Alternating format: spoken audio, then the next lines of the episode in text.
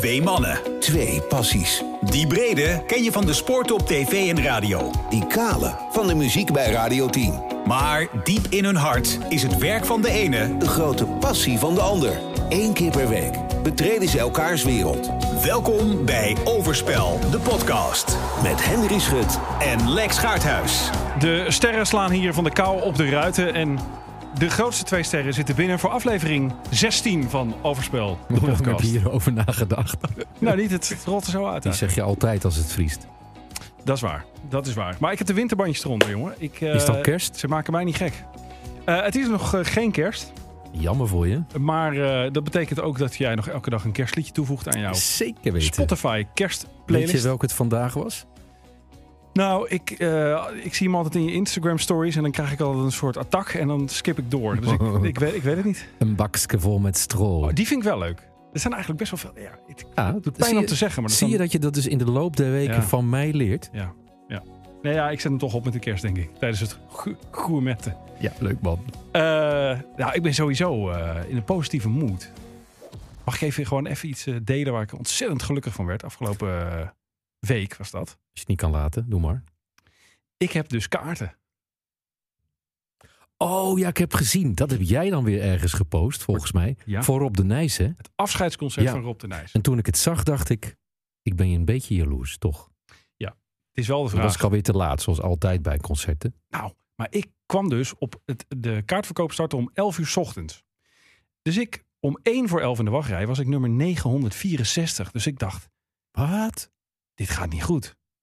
En mijn Maar het is wel moeder, een groot, grote... Is het Ziggo, hè? Ziggo Dome. ja Siggo, Ja. maar er, er mochten 14.000 man in. Ja. Tenminste, er mochten 14.000 kaarten verkocht worden.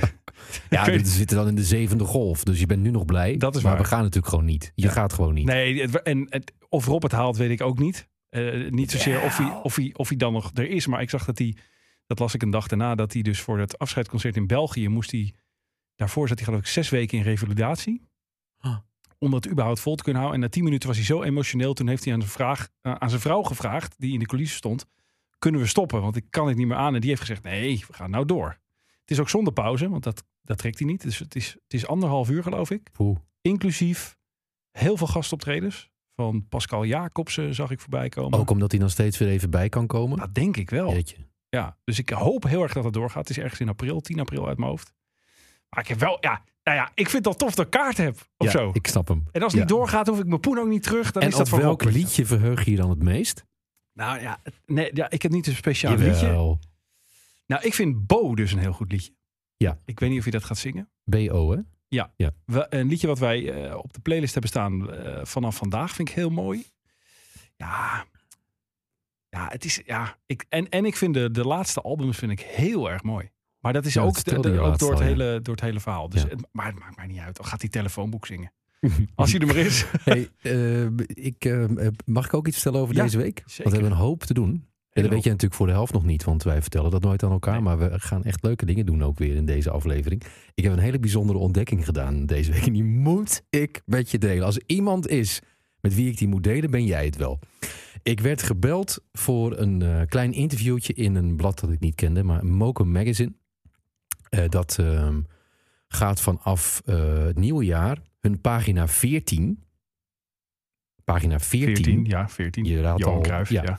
wijden aan een eh, rubriek over Johan Cruijff. Dus, ehm, eh, en ze belden mij of ik daar aan mee wilde doen over mijn ontmoeting of ontmoetingen met Johan Cruijff. Nou, lang verhaal kort. Ik heb Johan Cruijff een aantal keer in mijn leven ontmoet, maar nooit echt gesproken.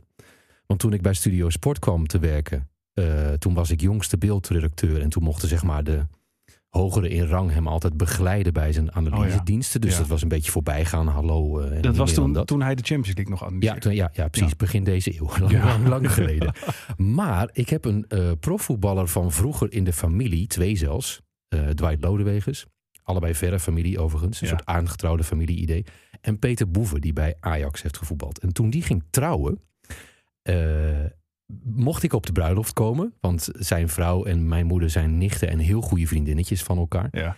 Eh, en toen heb ik een- van al die profvoetballers die daar toen waren, een handtekening gevraagd. Dus ook toen heb ik als kind al een mini-mini gesprek met Johan Cruijff gehad. Dat Ja. ongeveer moet gegaan zijn als mag ik uw handtekening, meneer? Jawel hoor, jongen. En dat was het dan. Nou ja, en toen ging ik weer het is al door. meer gesprek dan ik ooit Precies, met Johan toen Cruijff heb ging ik dus door naar eh, Frank Rijkaard Ja. of eh, Martin van Geel of Peter Boeven zelf natuurlijk. Want daar moet dan ook de handtekening van als je dan toch bezig Ja, bent in je boekje.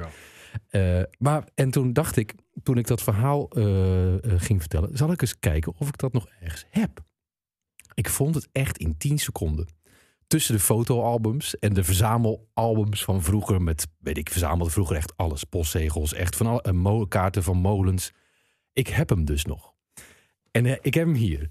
Kijk, Oh. mijn eigen handtekening van vroeger staat voorop. Oh, wat grappig. En Dat is toch mooi. Kijk, en ik ga dit ook allemaal dan posten op ons Instagram-account, Ja, ja, ja. dat de, de luisteraars ook Ah, kunnen zien wat ik bedoel. Kijk, Martin van is Geel, allemaal uitgeknipt uit een klein boekje, dan weer in een groot boek geplakt. Ah, en daar goed. staat dan dus op pagina 2 Johan Cruijff. Maar ik zal even om een heel lang verhaal wat korter. In dat boek staan alle handtekeningen die ik, dat die ik in die periode als kind heb verzameld. Dus ook bij een rondje langs de kerk, Adrie van de Poel, Maarten Ducro, die nu mijn collega Oh, is wat vet. als wielrenner. Eh, Teun van Vliet en Jacques. Ja. Maar ook, wij gingen altijd ook naar eh, dingen als de, wat was het ook weer, de Virato en de huishoudbeurs natuurlijk en zo. Weet je, allemaal van die beurzen mocht ik, ging met mijn ouders naartoe. En allemaal ehm, van die, ehm, van die radio eh, optredens, bijvoorbeeld op zaterdagmiddag bij de NCRV. Dat was niet los vast live, wat je misschien nog kent met Jan Rietman. ja. Maar met allemaal andere programma's. Ik weet niet, totaal niet meer hoe het heette. En wat kom ik daar tegen? Ik ga je We gaan niet een handtekening van Tony Scott nu zien, of wel? ja hoor, een kaart van Tony Scott daarnaast. echt, hè? En wat heeft hij eronder gezet? Ja, Kid, Kid K? Wat Nee, dat heb ik zelf opgeschreven. Oh. Dat was dus een, blijkbaar een zaterdagmiddag dat ook Technotronic optrad. Dus ik heb een handtekening van Ja Kid K, de zangeres van Oh ja, Technotronic. ja, ja, ja, precies. En een heuse. Maar dit wist jij niet meer. Nee, je- wist ik niet meer. Dus we hebben gewoon maandenlang project Tony Scott hebben Ja. wij eh beetgepakt. Zonder dat jij wist dat je hem ooit Ja, ontmoet kijk, maar had. hier bijvoorbeeld ook MC Mike G.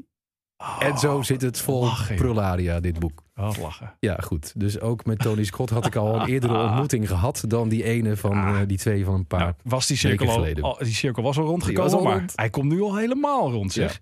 Eh, over cirkels en rond. Zullen we nog even een paar eh terugpakkertjes... eh, Graag. ja? komen we op terug.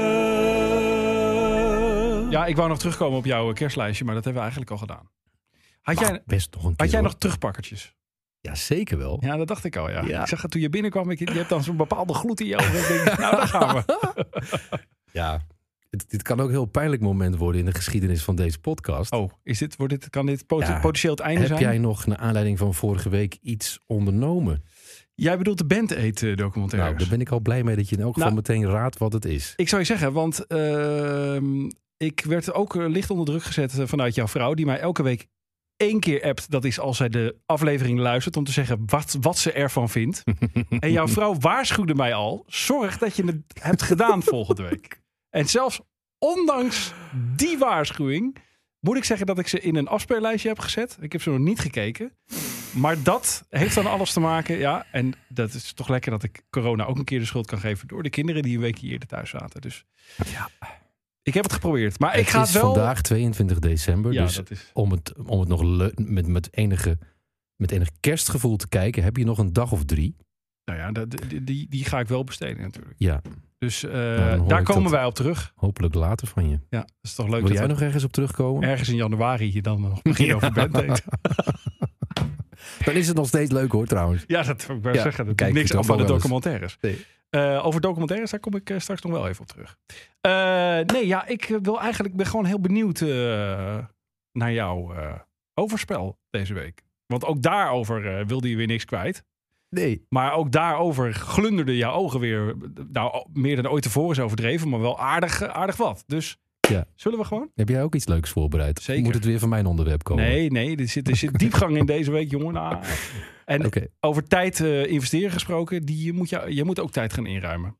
Ondanks jouw drukke schema. Om? Oh, Ja, aan krijg ik een opdracht mee? Ja. Nou, één, meerdere. Maar eh eerst de tos. Eh, oh, kop. Kop. Zo waar een keer. Mooi. Overspel, de podcast. Muziek. Eh, fijn. Heb je dat telefoonnummer dat ik je heb gegeven? Goed dat je het zegt. Ja. Ja, wacht even, want ik ga. Oh. voordat we deze man bellen, die al weet wat ik nu ga zeggen, want hij is natuurlijk het onderwerp zelf. Ja. Eh, nog één keer over kerst. Want het is nog bijna kerst. eh, dus het mag nog. Jij hebt die lijst natuurlijk wel een beetje bekeken hè, met mijn favoriete kerstliedjes. Ja. Ja, daar staat ook een liedje tussen dat je eigenlijk nooit meer hoort. En dat snap ik. Want het, als je het hoort, klinkt het ook enigszins gedateerd. Maar dat is wat mij betreft in, zeg maar, sound en ook een beetje in tempo. Misschien ook wel in de lengte van het liedje. Want het duurt geloof ik 5 minuten 51. Ja. Niet helemaal van deze tijd, behalve als Bohemian Rhapsody is. Maar ik vind eigenlijk dat er een, een soort eigen tijdse opgepoetste versie van zou moeten kunnen komen. Omdat eh, nou ja, de materie, dat is natuurlijk heel vaak wel met kerstliedjes, dat, is er wel, dat vind ik nou eentje die blijft ehm, van deze tijd. Die blijft actueel en dat blijft een soort van kerstboodschap waarvan je zo eens in het jaar een paar weken lang, eh, waarvoor je gevoelig bent om die dan weer te horen. Ja. Behalve keiharde mensen zoals jij natuurlijk. Absoluut. Ja, die helemaal niets met kerstmuziek hebben. Dus ik ben harten. heel benieuwd of het liedje eeuwig mee kan. Hint, hint. Dat weet ik niet precies. Eh, maar het heet dan wel weer Eeuwige Kerst. Ken je het? Ja. Ik heb de single bij me. Ja. Ja. Ja. Ehm, we schrijven het jaar 1984. Ehm, ja, dat is ook weer lastig, want wij mogen natuurlijk niet ongestraft dan weer muziek laten horen. Dus voor wie nu denkt, wat is eeuwige kerst ook alweer? Dat was dat liedje met op eerste kerstdag zijn alle mensen vrienden. En dat gaat dan zo door tot en met de zesde kerstdag. Daar was ik als kind heel gevoelig voor, want als kind vind je vrijwel iedereen vindt dan kerst leuk. En het idee dat er dan een derde Kijk kerstdag... iedereen Ja. zit ook naar mij te kijken. ja, ik vond het toen Ja, al kut. moet ik anders Ik kijken vond hier. het toen al kut, Ja. ja. Maar goed. nu moet ik anders kijken. Ja, nee, weet ik niet. verder Nee, nee, ja. Nee. nee, nee. Maar zeg maar het idee dat er dan ook een derde kerstdag is... en een vierde kerstdag Oh ja. en zelfs een vijfde en een zesde... Ja, Ja, dat is interessant. daar ging mijn, mijn kinderbrein dan zo van op hol. Maar ik vind gewoon de tekst prachtig. En het liedje is gewoon... Ja, het is, het is wat lang en het is wat sloom. Maar ik wil wel heel graag even met een van de schrijvers van dat liedje erover praten. En kijken of hij zelf ook het idee heeft... dat dit in 2021 tot en met 2050 nog door zou kunnen. En dan dus... Ik geef jou de naam vast. Het lijkt mij zo mooi als Davina Michel dat gaat inzingen. Oh, je hebt hier al Het was helemaal Arnie Schilder. het hele concept. Ja. Maar daar komen we dan straks op. Met Annie Schilder heb ik trouwens ook nog een verleden. Maar dan moeten we misschien een andere keer op terugkomen. Oh, Met Henk. Dag Henk. Ja, je had me al gewaarschuwd dat je een klein beetje grieperig bent. Dus dubbel respect. Klein beetje. Dat, oh, heb je, Omi- heb je, heb je Omicron, eh, Henk? Nee, toch? Eh, Nee, nee, nee, nee, nee, nee. Ik heb echt, nee, ik ben, nee, ik heb me laten testen. Maar gewone griep komt ook voor. Je- loop je ook aan alle kanten leeg, mag ik je uit, eh, mag ik je wel vertellen. Ik weet niet wat het is, maar altijd als ik Henk spreek, of ik, of ik kom er, nee, dat is jaren geleden dat ik hem een keer tegengekomen, maar dan, dan krijg je altijd dit soort, eh, dit soort verhalen van Henk.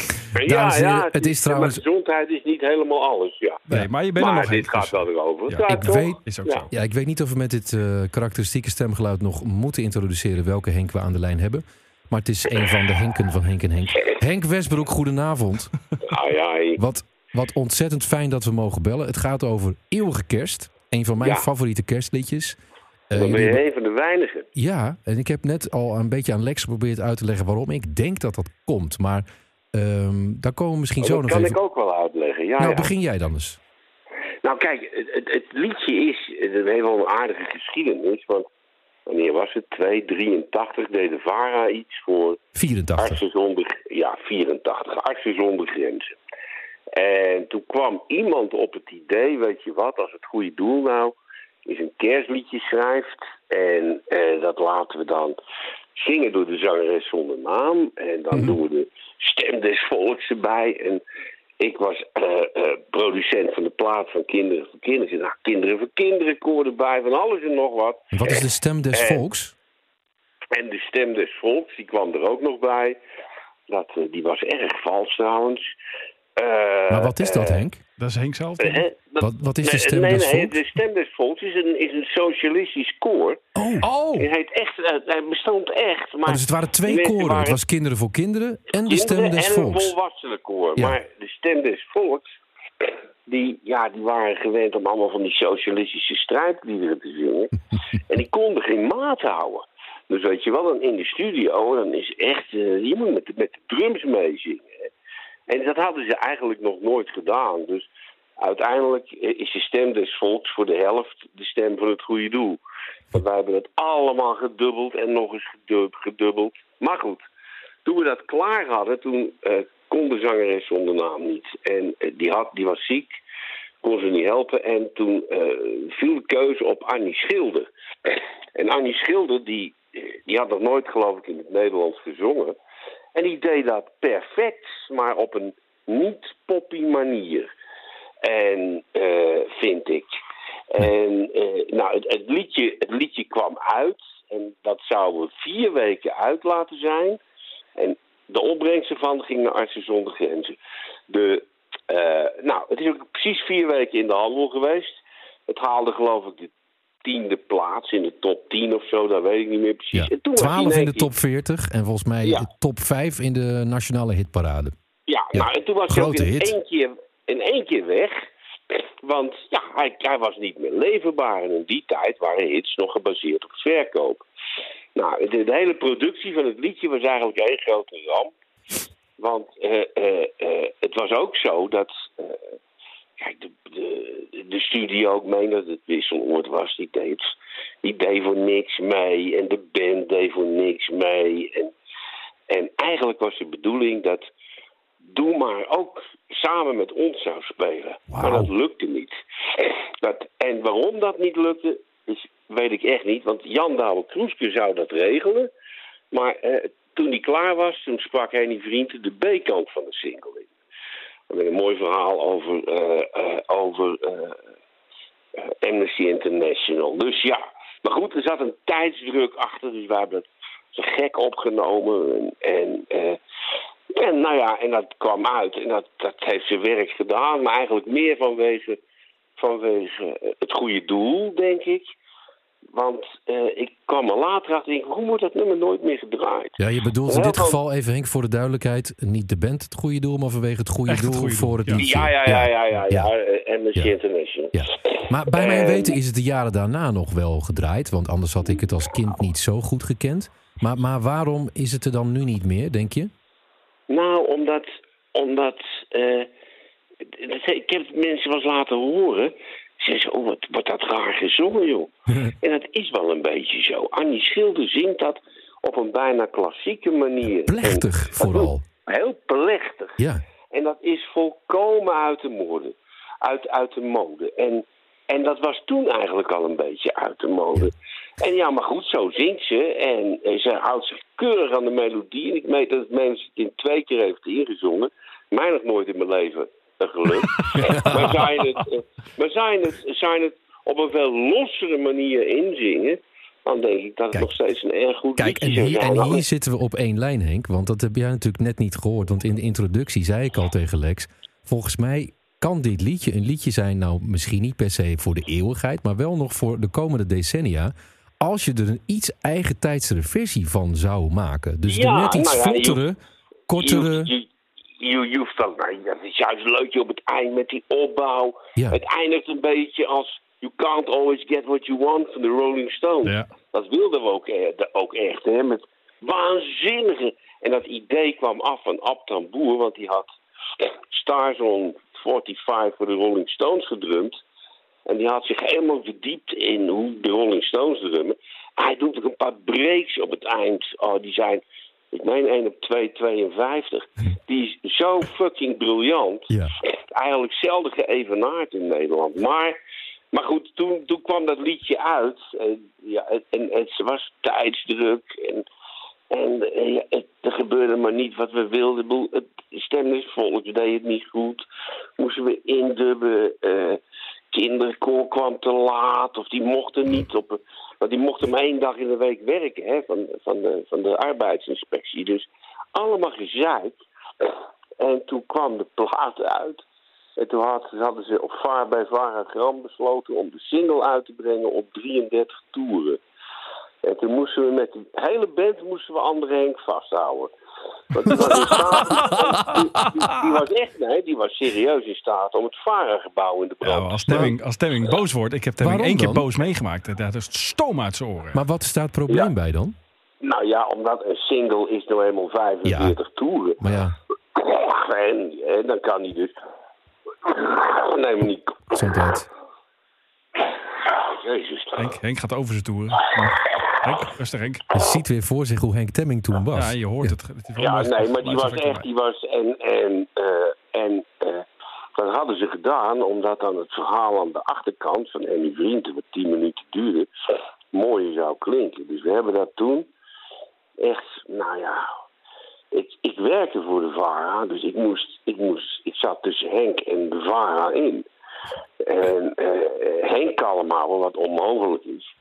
En, eh, en, eh, en, en hij was echt in te zeggen, nou, dat komt hij niet uit. Punt. Alles Maar, opgenomen, alles verperst.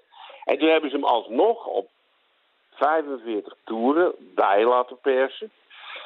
Maar ja, hij was al naar de winkels verscheept op Ja. het verkeerde toerenaantal. Ja, want Ik zou het je sterker vertellen, Henk. Ik, ik heb hem hier... 45 toeren. Henry heeft Ik het singeltje in zijn liggen in handen. de 33 toeren De 33 Ik heb hem toeren in mijn handen, ja. En op Ja. de B-kant Ja, staat ja, inderdaad Dat is een, hoogtepunten uit Losprijs 1 mei 1984 met commentaar van Henny Vrienden. Oh, ja. ja, en Losprijs heette het, eh, het programma waarvoor dit eh, een programma op de VARA radio en ik meen ook televisie, Hilversum 3. waarbij, eh, waarbij eh, eh, het de bedoeling was om geld in te zamelen voor eh, Amnesty International.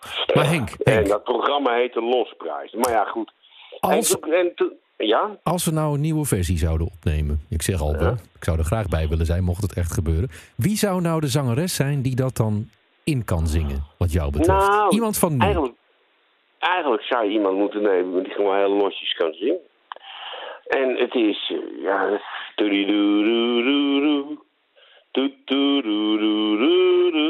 is de melodie, hè? Ja, als ik, als ik Henk dit hoor zingen, hij- denk, hij- ik, denk ik niet dat de, de naam die jij in je hoofd hebt, Henry, dat dat geschikt is. Want Nou ja, die, die ik geeft dacht- altijd gas. Ik dacht Davina? Michel. Davina Michel. Nou, die zou dat wel kunnen. Maar die zou heel ingetogen moeten zingen. En die Ja. mag één keer gas geven op eind. Ja, en dat is een probleem, denk ik. Nee, dat Ja, is toch wel, helemaal... nee, nee, nee, nee, nee, nee. Kijk, er zijn natuurlijk van die zangeressen. En dat zijn eigenlijk niet de beste, vind ik. Die, eh, kijk, waarom was Joe Cocker zo goed? Die gilde maar één keer in een liedje op het Ja. eind. En dan zat je op te wachten. Ja, maar- Ah, Ja, nee, precies. dan, Maar ik heb bij Davina altijd het idee dat gewoon de gashendel gaat open en gaat niet meer dicht. Ja, maar Maar dat is kan dan de grote verrassing juist zijn. Dat, dat, nee, nee, dat wil je niet doen. Nee. Nee. Maar dat zou dan... moet je heel relaxed en een beetje lui zingen. Maar je kan het ook weer een man laten zingen. Dat maakt verder helemaal Ja. niet uit. Het is... eh, eh, eh, ik meen dat Temming het zelf nog een keer heeft, heeft gezongen. Op een kerstplaat die hij, hij maakte. Die onmiddellijk de vergetelheid indook. Een LP van een paar jaar Ja, geleden. klopt. Ja. Klopt. Ik heb hem En, en, en ik heb geen idee, maar ik denk dat dat al een stuk beter is. Ja. Maar je zou eigenlijk met een wat... Ja, ik, ik, Oh, ik start Oh, hem, ja, ik start jij- nu ook in. Lex, wat doe je? ik start er meteen in. Ik denk even, even een klein stukje luisteren wat het verschil dan is. ja, ja, ja. Dit is de- Nou, de zang natuurlijk, hè. Dit is dan net het... Dat is instrumentale stukje. liedje. Wacht even hoor. Eeuwige kerst, Henk Temming staat hier. Ja, eeuwige keer. Ah ja. Ja, dit is... Ja, Ja. Maar Henk, ik ben natuurlijk wel een klein beetje serieus. Zou, zou jij het Met leuk alle vinden? respect voor Henk, dit is, dit is een versie van niks. Je moet gewoon zou jij het... zo houden zou je zoals het- het is. Ja. Nee, maar ik hoor nou ineens koortjes hier er weer Ja, bij dit is niet best. Dit is niet best, Henk. En, dat, en, en eigenlijk was alles goed. En de zang is ook goed, maar ouderwets. Maar zou je het oprecht echt leuk vinden om er een nieuwe versie van op te nemen? Ja, ik zou dat heel eh, op prijs stellen, maar ik ga daar niet over. Nou, Dat is, eh, Nou, maar gaat daar wel over Even dan? kijken, want als je schut aan je, eenmaal aan je broek hebt hangen, kom je er niet meer vanaf. dus ik, ik waarschuw je alvast, Henk. Want eh, Henry, jij hebt Ja. ook een paar weken geleden, toen we het over Sinterklaasliedjes hadden, Ja. heb je al geopperd om Ja. Sinterklaas Weekend hem niet opnieuw op te nemen. Toen hadden we Jochem van nee, Gelder. nee, dat had zeg je niet goed. Oh. En ik ben blij dat we je aan de lijn hebben, Henk. Want eh, Sinterklaas Wie kent hem niet is voor mij net zo'n liedje waarvan ik denk... dat moet nog jaren mee. Nou, we weten allemaal dat dat een klein probleempje heeft met één bepaald woord nou, hè, sinds een wij, aantal hebben, wij jaren. hebben onmiddellijk toen het gezeik uitbrak over Zwarte Ja. Piet... een, eh, een meerkleurige versie Maar die is inmiddels Die gek genoeg. ook. Ja, maar die is gek genoeg inmiddels ook achterhaald, hè? Omdat al die gele en groene pieten. Nou, al die gele en groene pieten die ze in 2013 was het geloof ik of 14 bedachten. Ja, maar die zijn inmiddels. steeds, hoor. Ja, Maar je hebt roetveegpieten, dat Ja, is waar. Ja, precies. dat is waar. Dat is, eh, Ja.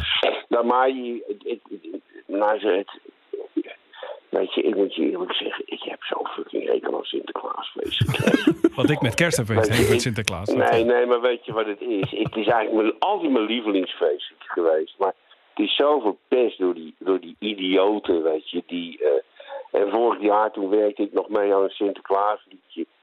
Eh, eh, Sinterklaas is een echte held van, van, van een gelegenheidsduo. Eh, jongens die helemaal niet konden zingen, maar wel heel erg leuk waren. Ik zing het refreintje dan een beetje mee. Niet dat ik zo'n goede zanger ben, maar in vergelijking met hun ben ik dat wel. En, maar een heel leuk liedje.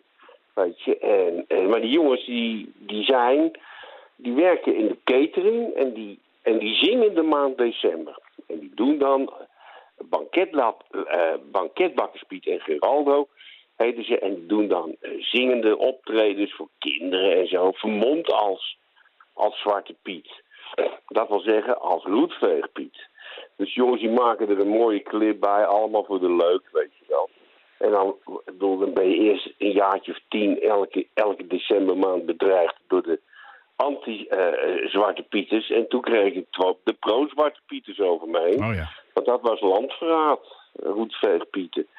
Dat wil zeggen, de lol is voor mij een beetje van het feest af. Snap ik Ik bedoel, wat er ook gebeurt, je wordt werkelijk door iedereen bedreigd, weet je.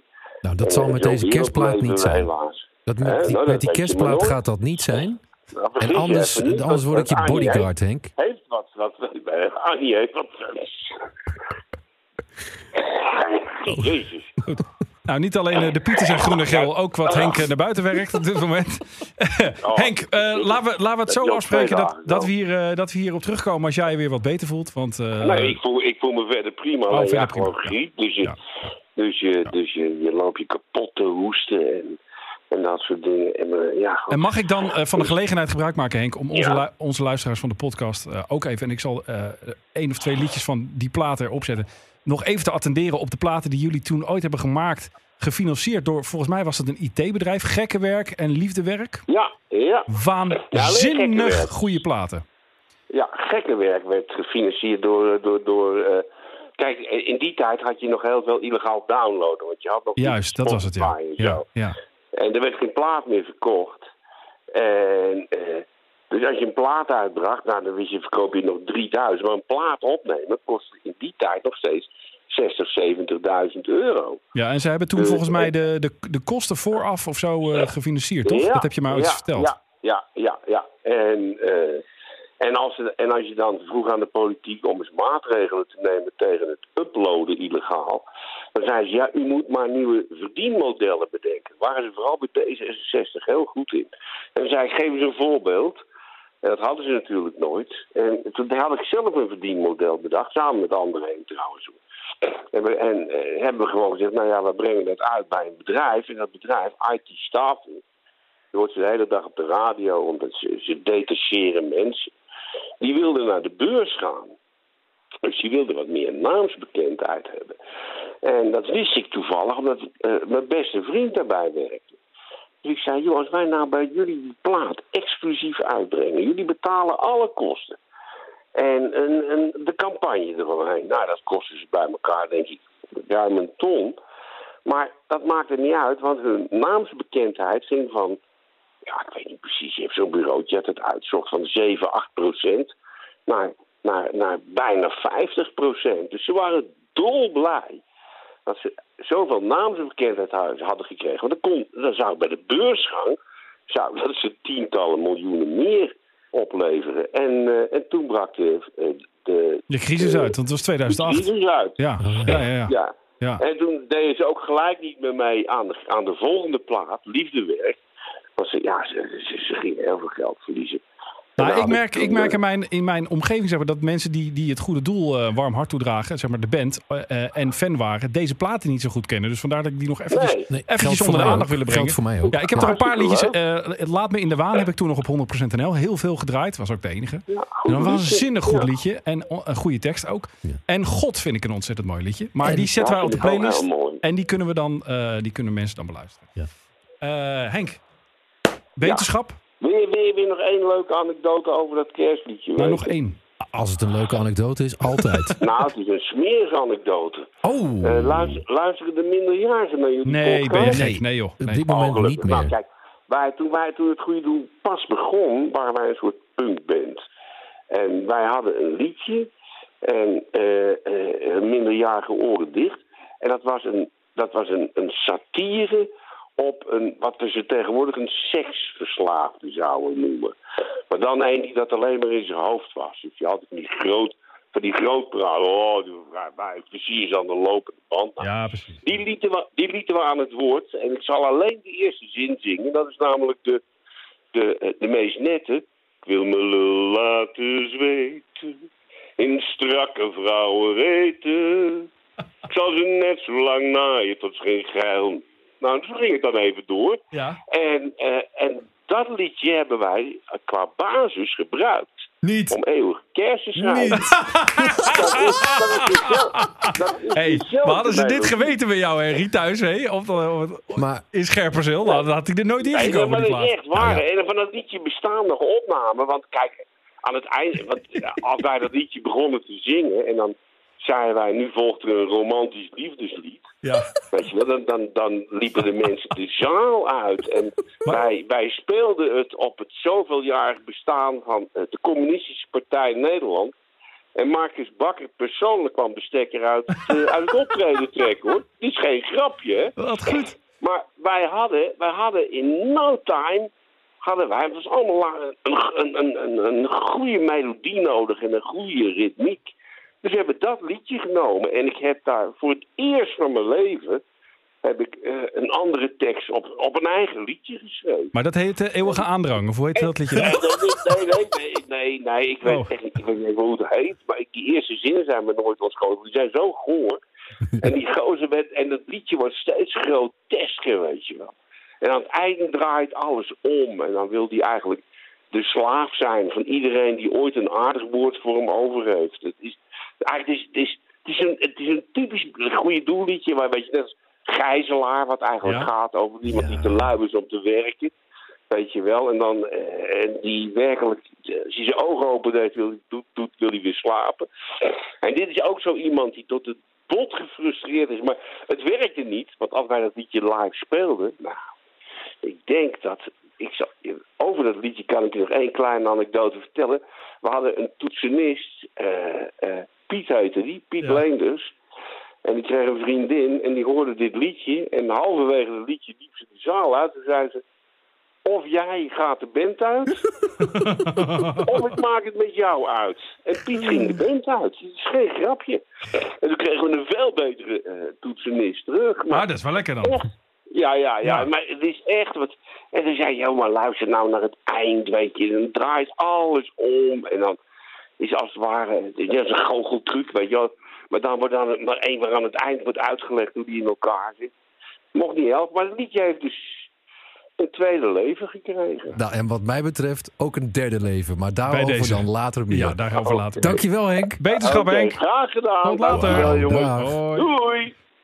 Ja, Henk Westbroek. zo zie je maar. Er zit nog wel eens wat achter een liedje. Mijn hemel. Ik moet eigenlijk bijtrekken, maar ja, we moeten door. Overspel, de podcast. Sport. Mijn lul laten zweten. Maar. Ehm, ja.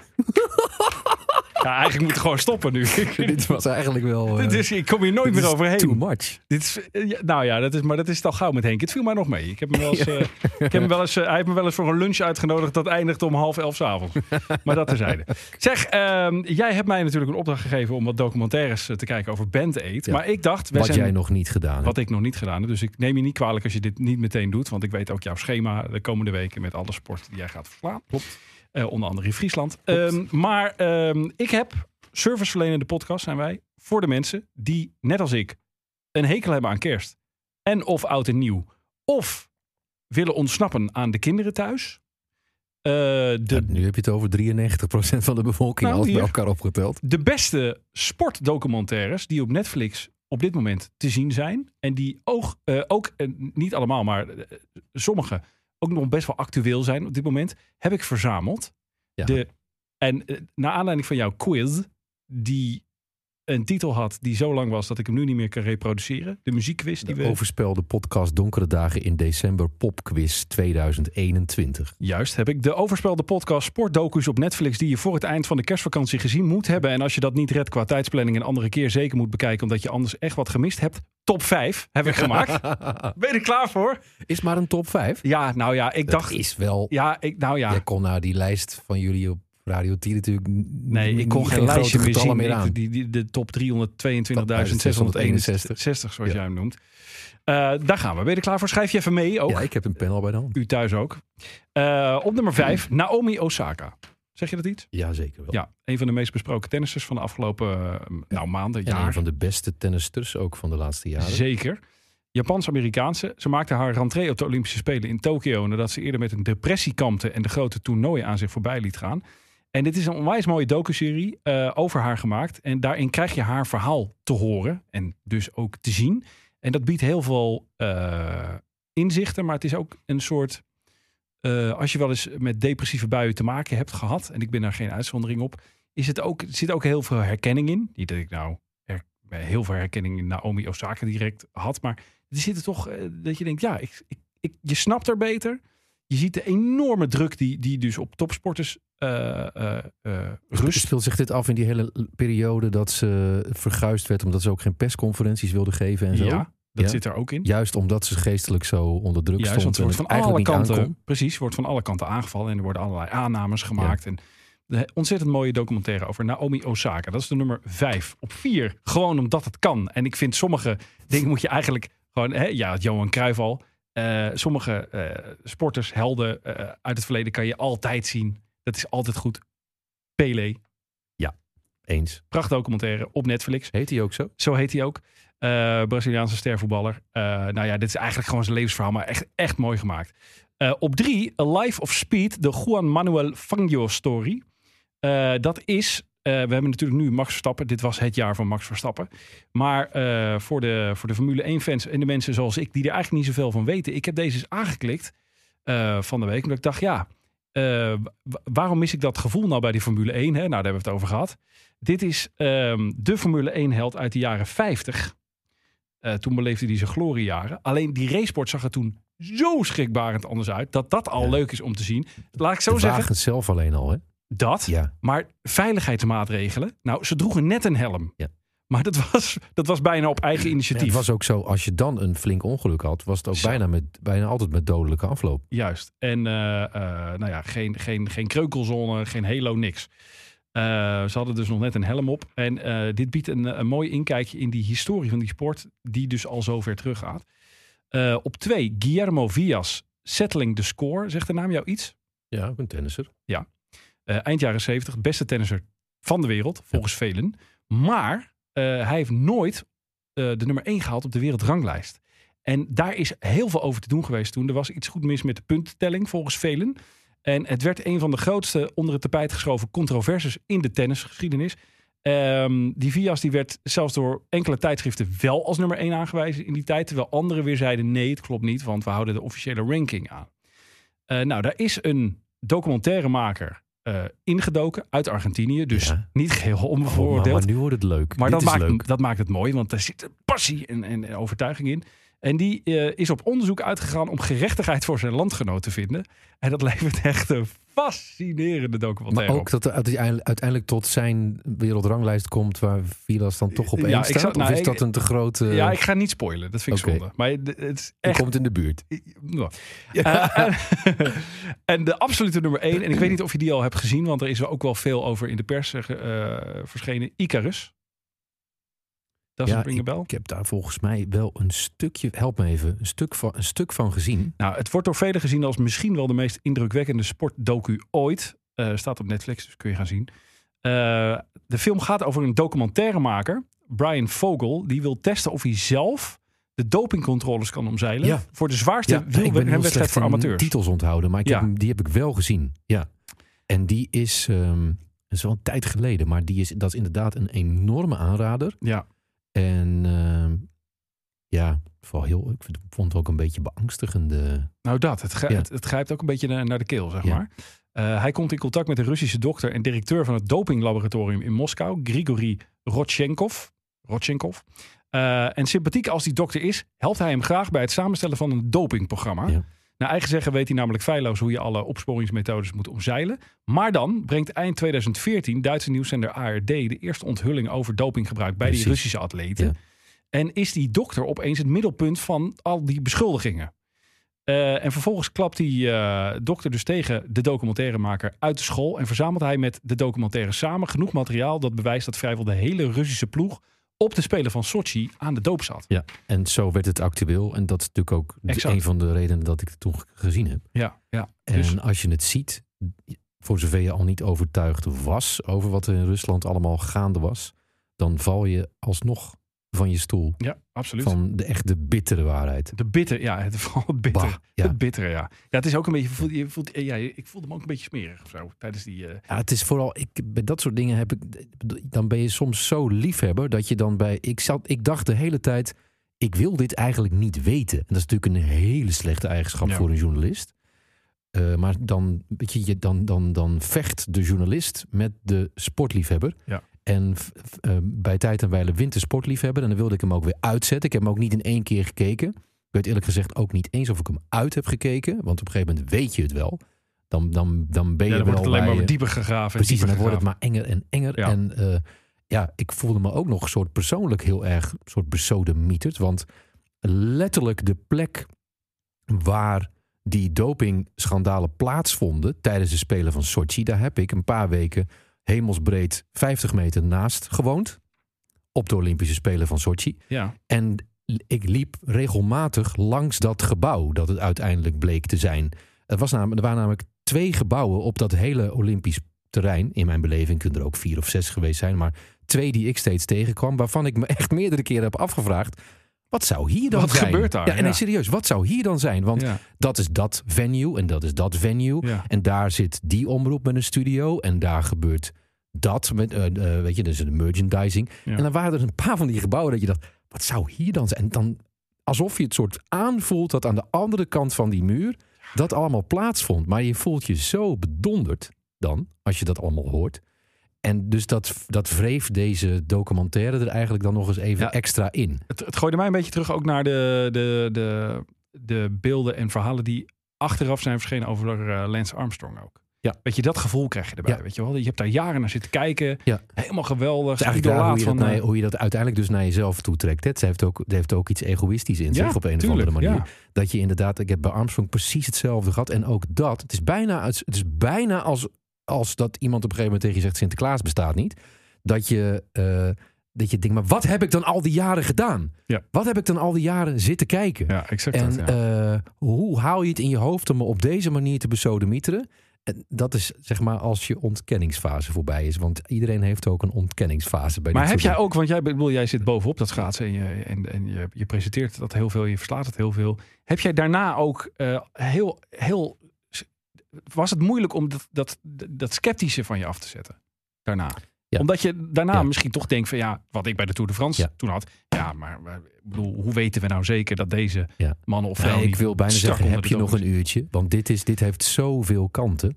En het rare is dat op een bepaald moment, ik kan natuurlijk alleen maar voor mezelf spreken, maar op een bepaald moment ga je toch ook weer over tot de orde van het volgen en ook liefhebber zijn. Belangrijkste voorbeeld bij mij in het schaatsen daarvan is Pavel Kulisnikov. De sprinter, wereldrecordhouder op de 500 meter en op de 1000 meter. Die fantastisch kan schaatsen, maar waarvan je eigenlijk weet, die is, dat is een geprepareerde schaatser. Die, Mhm. die, was al, die had al een dopingschorsing achter zijn naam, nog voordat wij ooit van hem gehoord hadden. Op basis daarvan mocht hij de afgelopen Olympische Spelen ook steeds niet meedoen. Hè, want er werd elke keer weer dat oude eh dopingvergrijp Ja. erbij gehaald. Maar het rare is wel dat als je dus dan op een gegeven moment op een schaatsbaan staat, letterlijk in Salt Lake City, op de snelste baan van de wereld, en je ziet hem daar dan het wereldrecord aan flarden rijden, dan schiet er nog wel ergens door je hoofd. Ja, is dat nou omdat hij dat verleden heeft? Maar ondertussen sta je ook zo onwijs te genieten van wat je daar ziet. Want het is, weet je, los van of het eerlijk is bereikt, je ziet daar wel de beste prestatie ooit dan op zo'n afstand op dat Nou ja, moment. en wat ik Dus- altijd gehoord heb is dat als je een, eh, gewoon een hele matige sporter bent, kan je niet door doping opeens Nee, precies. absolute Dus je wereldtop hebt het al hier over een exceptioneel talent. Ja, En ik wil niet zeggen dat je het dan uitvlakt. Want het is ook alweer zo dat als je dan daarna erover gaat praten, dat is dan mijn beroep, dat dan toch wel ergens, het is niet meer vraag 1, maar wel ergens vraag 7, toch wel een voorzichtige vraag aan Erbe Wennemars of Mark Ja. Tuitert of wie er dan ook staat, is richting, ja, komt dit nou uiteindelijk door dit? Of je, of je stelt hem in de zin van, eh, ja, dit is zo'n astronomische tijd en zoveel sneller dan anderen. Moeten wij hier iets van denken? Weet je, dat kan je dan ook Ja. nog zo vragen. Het rare is ook wel dat als, zoals nu bijvoorbeeld een Zweedse jongen, alle records aan fladder rijdt, Ja. met een heel goed verhaal erachter dat hij op een andere manier traint en zo, dan stel je die vraag niet. Of niet zomaar. Dus het heeft Nou ja, ook iets heel oneerlijks in het is- want het kan natuurlijk bij iedereen zitten. Het kan bij elk land zitten. dat en, en, en het, de vraag stellen is journalistiek gezien plausibel, maar je weet dat je er op dat moment toch niets zinnigs over kan zeggen. Nee, klopt. Ik heb Dat er is al- altijd achteraf. ook wel eens enorm gedoe mee gehad. Ik was me van totaal geen kwaad bewust. Maar bij het zoveelste dopingnieuws dat een keer tijdens een schaatsweekend viel... eh, moesten wij het er natuurlijk over hebben. Ja, gaat, over wie gaat dit? Dat, ik moet heel erg graaf in mijn geheugen hoor nu. Dat was, dat was een of andere official die, weet ik veel, twaalf jaar na dato of zo... over de Olympische Spelen van 2002 zei... dat een bepaald percentage van de medaillewinnaars gebruikt had Hmm. of eh, verdachte dopingwaarde had eh, met nieuw onderzoek. Een beetje, het zat ergens in die regionen. En eh, nou ja, dat bespreek je dan in de studio. Maar dat wil je toch ook wel iets hapklaarder maken voor de kijker. Dus je gaat toch een beetje zoeken. Ja. En dat was eigenlijk niet meer dan dat. Ik, was, ik wilde helemaal niemand beschuldigen. Maar eh, ja, dan ga je toch een bepaalde hoek in en bepaalde namen noemen van zou die dan of zou dat dan. En dan kom je op een gegeven moment op, ja, sommige schaatsers reden daar ook wel heel bijzondere wereldrecords. Terwijl we of nog bijna nooit van ze gehoord hadden of ze dat nog, nog nooit gedaan hadden. Dus zou die of die dan. En daar heb ik dan in de, in de periode daarna nog wel eens gedoe mee gehad. Dat er iemand naar me toe kwam die zei: Ik was toen de coach van die en die schaatsen. Ja, ja, ja. Bedoelde jij toen dit en dit? En dat ik dan zei: nou, Je moet eerst even mijn geheugen opfrissen, want ik weet niet precies wat je hier bedoelt. En toen hij dan mijn geheugen opfriste, dat ik dan zei: Ja, nee, nee, sorry. Maar ja, dat weet je, dus het is heel. Het bespreken is, het is bespreken is al ingewikkeld. al... Ja. Ja. Nou goed, eh, dit allemaal naar aanleiding van de overspelde podcast Sportdocus op Netflix... die je Ja. voor het eind van de kerstvakantie gezien moet hebben. En als je Ja. dat niet redt qua tijdsplanning... een andere keer zeker moet bekijken... omdat je anders echt wat gemist hebt. En, Ja, het begint overigens wel steeds pijnlijker te worden dat jij wel de tijd had voor dit allemaal. Nou, daarom. En dit niet is, voor kla- Band-Aid. dit is Nee, maar dit dat wilde ik eerder zeggen. Dit is een, heeft een kausaal verband. Dit dus ik heb dit nu allemaal gezien. Dan kan jij gaan kijken en dan kan ik beginnen aan voor. Band-Aid. Snap je? Ik ja, accepteer het voor sommige deze dingen keer. moet je... Overspel de podcast. Presenteert De Vluggertjes. We houden het kort. Zwemster Ranomi Kromomi Jojo won deze week misschien wel de laatste medaille uit haar carrière. Na de kerst hakt ze de knoop door, stopt ze of gaat ze toch nog door? Nou, jij hebt er gesproken voor de Olympische podcast, eh, volgens mij. eh, dit, Ja. Was dat dit jaar? Samen met Ferry Weertman, haar Precies. partner en ook Olympisch Wat denk kampioen. Hij is inmiddels gestopt. Ja. Femke Heemskerk is inmiddels gestopt. Hè, waarmee zij natuurlijk eh, alle, eh, alle estafette records aan Flarden heeft gezwommen. Eh, met nog wat andere. Maar dat, zij waren natuurlijk steeds daar het hart van. Ik denk dat ze stopt. Maar dat is puur een gevoel. En ik denk dat ze nu toch een beetje twijfelt. Want ze won ook nog weer goud hè, op de 50 meter vlinderslag. Ja, ja. Eh, maar ik denk toch dat zij denkt, zeker ook omdat haar partner is gestopt en de volgende Olympische Spelen nog wel ver weg zijn, dat dit het was. En bij zoveel twijfel moet je, zou je toch zeggen, eigenlijk voor topsport moet je niet meer inhalen. Hoe bedoel je?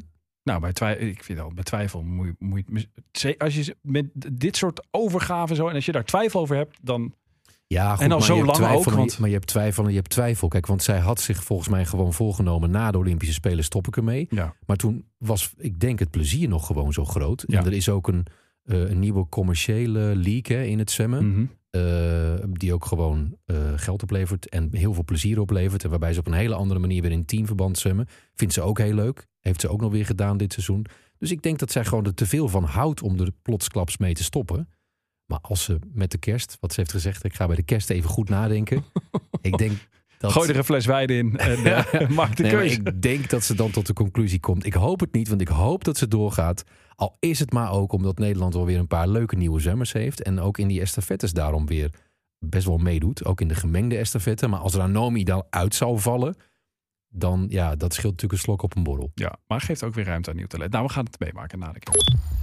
Eh Tottenham Hotspur legt zich niet zomaar neer bij de uitschakeling in de Conference League. Oftewel de Jut Jul League, zoals Louis van Gaal dat zo mooi noemt.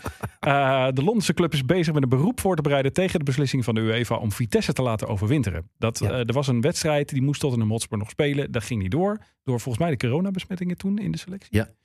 En eh, nou ja, uiteindelijk is dat een reglementair 3-0 verlies geworden. Ja, ook omdat ze geen tijd hadden om de wedstrijd in te halen. Nee. Wat vind jij nou van? Wat is hier nou wijsheid? Want als tijd er gewoon echt niet is. Je kan niet één ploeg extra toevoegen, want die heeft dan geen tegenstander. Het is natuurlijk sowieso heel raar. Ook nu, wat nu in de Premier League gebeurt. Alles moet gewoon doorgaan. Terwijl er geloof ik tien clubs met corona, te veel coronabesmettingen zijn. Nee, je weet hoe groot die selecties zijn in Engeland. Ja. Dus de, technisch gezien denk je, hoe kan dat? Ja, bizar. Maar maar ja, Boxing Day komt eraan. Dus er moet gevoetbald worden. Want Engeland, Maar Dus- wat is hier nou wijsheid? ja, dit, die is er niet. Nee, want Vitesse is dan nu dus reglementair door. Ja. Ja, ik snap ook wel dat de Spurs Nou, zeggen, ons wel- er nog voor spelen. Maar ja, als dat niet kan. Nee, maar nou vind ik wel dat eh, als je ziet hoe niet serieus de Spurs deze competitie nam. Door een soort C-elftal naar Vitesse te sturen, die uitwedstrijd. Die verloren ze toen ook van Dan Vitesse. vraag je je af waar de opwinding van komt. Precies. Waarom Geld? maak je dan nu opeens druk om? Ja, Nou, geld of zo? geld, dat denk ik wel. Ja. We gaan wachten hoe deze eh, beroepszaak afloopt. Dan nog wat muziekvluggertjes. Eh, de Spice Girls zouden het wel zien zitten om opnieuw te gaan optreden. Mel C heeft gezegd dat er een tour komt door de Verenigde Staten. Nou, ik weet niet of jij ooit geluid hebt gehoord en beelden hebt gezien van de comeback tour die ze door Groot-Brittannië toen maakten. Wil ik het horen? Oh, nou, ik, nee. Nee, ah, dat was, maar met de, de technieken worden steeds moderner. Hè? Dus dat komt ja, maar daar goed. zijn, daar zijn mensen weggelopen hè, uit stadions waar ze optraden. Omdat het zo slecht was. Nou, misschien moeten ze dat dan nog goed maken. Ja. Wat is jouw favoriete Spice Girls liedje? ja, dit is een Hebben ze een kerstliedje gemaakt eigenlijk? Vast wel. Vast wel. Ja, hoe heet dat nou? ook Ik weer? vind Who Do You Think You Are vind ik wel leuk. To Become One was toch een kerstversie van? Ja, er gewoon belletjes eronder Ja, gemonteerd, precies. toch? Ja, dat is de slimste, Ja. slimste manier. Ja. Ik Nee. vind eh, Spice Up Your Life. Spice Up Your Life, ja. Ja. Dat was, er zat een beetje pit in. Ja. Eh, over pit gesproken. En Mariah Carey staat voor de derde, eh, het derde jaar op rij bovenaan de Billboard Hot 100 met, daar is hij voor jou, All I Want Nee, for nee, Christmas is You. Ja. Ik vind niet alle kerstmuziek Nee, oké, maar eh, daarmee schrijft de zangeres geschiedenis in de, in de Amerikaanse hitlijst. Geen enkel andere artiest heeft de lijst in drie verschillende periodes aangevoerd. En dan ook nog met hetzelfde liedje. Weet je wat ik hier een keer over heb gelezen? Ja, dat is echt, als je het dan over geld hebt. 60 miljoen. Hè, want de Spice Girls willen natuurlijk weer geld verdienen. En eh Tottenham Hotspur wil extra geld verdienen. Dit, is, dit is al van vier jaar geleden. Ik heb het even opgeschreven. Er wordt geschat dat Mariah Carey met alleen al de streams op de dag voor kerst... Ja, zo'n 10 miljoen dollar op haar rekening mag ja ik hoorde iets van bijschrijven. 60 miljoen per jaar dat ze eraan verdient. Ja, maar dus 10 miljoen op één dag. Om even een vergelijk te maken. Ik heb deze week de Buma Stemra overgemaakt gekregen van mijn zomerhit uit 2017 Kan Beach je Barbecue. drie keer naar de Mac? En de Sena. 7 euro. Dus ik denk is dat ik... meer of minder dan vorig jaar? Nee, veel minder. Vorig jaar was Oh. 60 euro. Maar ja, corona, hè, dus minder feestjes. Daar werd hij natuurlijk veel Zit gedraaid. alle reclame in deze podcast die je ervoor gemaakt hebt daar al bij inbegrepen? Of krijg je dat volgend jaar? Oh, dat, oh, dan komt dat vrachtschip met, eh, met geld. Komt nog, minimaal ik. 14 ja, euro. dat komt nog, ja. Spotify of Ja. Nou. En voor die laatste reguliere van eh, 2021, want misschien komen wij nog met een kleine bonus, maar zorg daarvoor dat je deze podcast volgt. Dus abonneer. Dan mis je dat niet, als dat nog komt. Eh, heb, ben ik in mijn eh, digitale platenkast eh, gedoken en eh, haal daar iets uit onder de S. De Spice Girls. Nee, nee. Seal. Het ga, nee, nou, dan kom je al meer in de buurt. Hm. Het gaat hier om een 58-jarige man inmiddels. Eh, uit Italië. Eh, zong ooit in 2000 een liedje over de maan. Ehm, Zijn achternaam begint met de S en zijn voornaam begint met de A. oh, Alessandro Safina. Alessandro Safina. Luna. Luna. Luna.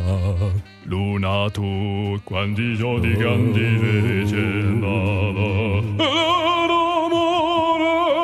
Vond ik toen fantastisch. Ben ik voor naar de CD-winkel gereden. en toen dacht ik, toen ik dit eruit trok, dacht ik, nou, dit kan wel eens eh, in, in tijden een van de eerste liedjes worden die Schut afschiet voor die playlist. Nou, dat, die kans zegt, is vrij groot. dat hij zegt, nou, ik weet je, tuurlijk, ik heb een redelijk smakeloze kerstplaylist, maar dit gaat mij te ver. Dus. Je mag Oh, je het is ook dit liedje. Het is ook Luna. Luna van alles. Oh, ja, de rest van het werk van Alessandro Safina heb ik de links Ja. laten liggen. Je moet Ja, eerlijk je, zijn, je hè? duwt me al een bepaalde hoek in, maar ik vind dit inderdaad... Het is niet eens zozeer het liedje, maar ik vind de uitvoering van deze man... van meerdere liedjes die ik van hem ken... Van Stalter. Nou, ik Oh. vind het gewoon net iets te plastic. Ja, het was wel een beetje plastic opera. Ja. Dus eh nine. is geen echt kerstidee, hè? Toch uit met een, eh, met een, met een, met een downer. Jammer. Nou, dan beloof ik je... Ja. Dan doen we nog een mooie bonus aan dit eerste kalenderjaar. Ja, zullen we nog een klein bonus eh, afleveringetje? Ja, volgende week. Nou, eh, zorg dat u zich abonneert op deze podcast. Want alleen dan krijgt u het pad meteen mee zodra die online staat. Eh, tot zover. Eh, we wensen u eh, fijne kerstdagen. Ja, jij ook vooral. Ja, ik ga ontzettend genieten Van Band-Aid. van Band-Aid. En dat was het dan En ook, van- denk ik. Ik sluit mij op met en van document. veel eten. En, Van en ja, Band-Aid en heel van veel en eten. heel veel wijn. Daar hou ik het wel van. Dit was Overspel, de podcast. Abonneer je gratis en vergeet niet je recensie achter te laten op jouw favoriete podcastplatform. Meer Overspel met Henry en Lex Volg de mannen op instagram.com slash overspel de podcast.